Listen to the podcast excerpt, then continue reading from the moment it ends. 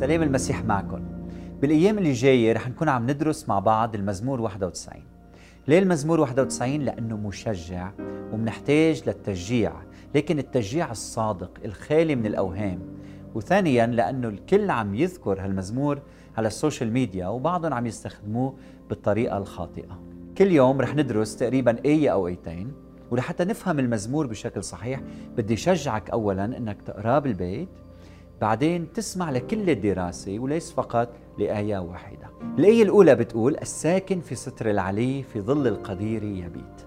الساكن في ستر يعني في حمى في حماية في كنف العلي في ظل القدير يبيت يرتاح ينام يقضي الليل معه.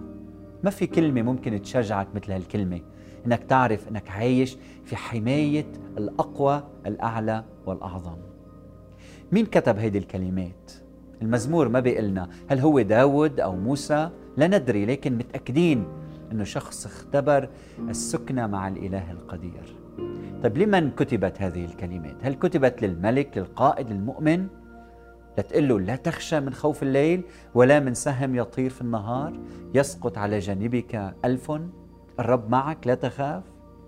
يا ريت فينا نعرف مين كان يردد هيدي الكلمات. هل النبي لكي يشجع القائد والملك أو الكاهن كان يرددها على الإنسان التقي الشاعر بالخوف والاضطراب والهلع أو الخائف من البشر ومن الأرواح النجسة والشياطين فلا ينام الليل أو لكل شخص يحتاج إلى التشجيع والتعزية هل كانت جزء من ليتورجيا الجماعة المتألمة الخائفة فيردد هذا المزمور عند بداية الاجتماع أو نهايته؟ أو كان يرددها شخص تعرف من جديد على إله العهد وآمن به. ففي كل ظروف الحياة فينا نردد هذا المزمور. فينا نردده ببيوتنا. فينا نصلي على أولادنا على عائلاتنا في كنائسنا على قادتنا ونقول هنيئا للساكن في حماية العلي وفي ظل القدير يبيت. أهم شيء اليوم أنك تتذكر أنه هذه الكلمات لها تأثير وفعالية على الشخص يلي آمن بإله العهد وقرر وطلب أن يسكن ويبيت في حماية العلي وفي ظل القدير.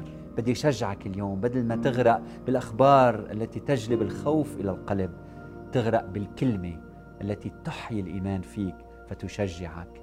انتبه أنه بالعدد الأول في صفتين لله هما العلي والقدير. العلي يعني الساكن أعلى مكان يعني السهم لا يصل إليه الجيوش لا تقدر أن تقتحمه الوباء لا يصبه. وإلا بيصير ربنا بده يعمل حجر منزلي وإذا عمل تخطف منا كلنا نسمة الحياة ويزول هذا الكون لأنه فيه يقوم الكل. نعم الله هو العلي ولا أحد مثله هو القدير أي التام القدرة. وما حدا أقوى منه ما حدا أعظم منه. هو قادر على كل شيء وأنت عايش بحمايته. يعني لا شيء يحدث معك خارج عن إرادته. إذا أنت اليوم شاعر بخوف الخوف شيء صحي من دون خوف يموت الإنسان. يقف على شرفة المنزل ويقفز فيموت. ليس السؤال إذا كنت خايف أم لا. السؤال ماذا تفعل عندما تشعر بالخوف؟ ماذا تفعل إن كنت خائفا وبإمكانك أن تكون في حماية أقوى شخص؟ ألا تذهب إليه؟ اليوم أقول لك العلي القدير واقف على باب قلبك. يريد أن يسترك يظلل قلبك يحميك.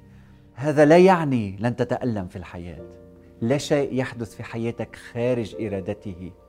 وستكتشف يوما أن كل الأشياء حلوة أو مرة تعمل معا لخيرك. يا من تحب الله. صلي هذه الكلمات معي. يا رب أريد أن أسكن وأبيت في بيتك في ظلك في كنفك. آمين.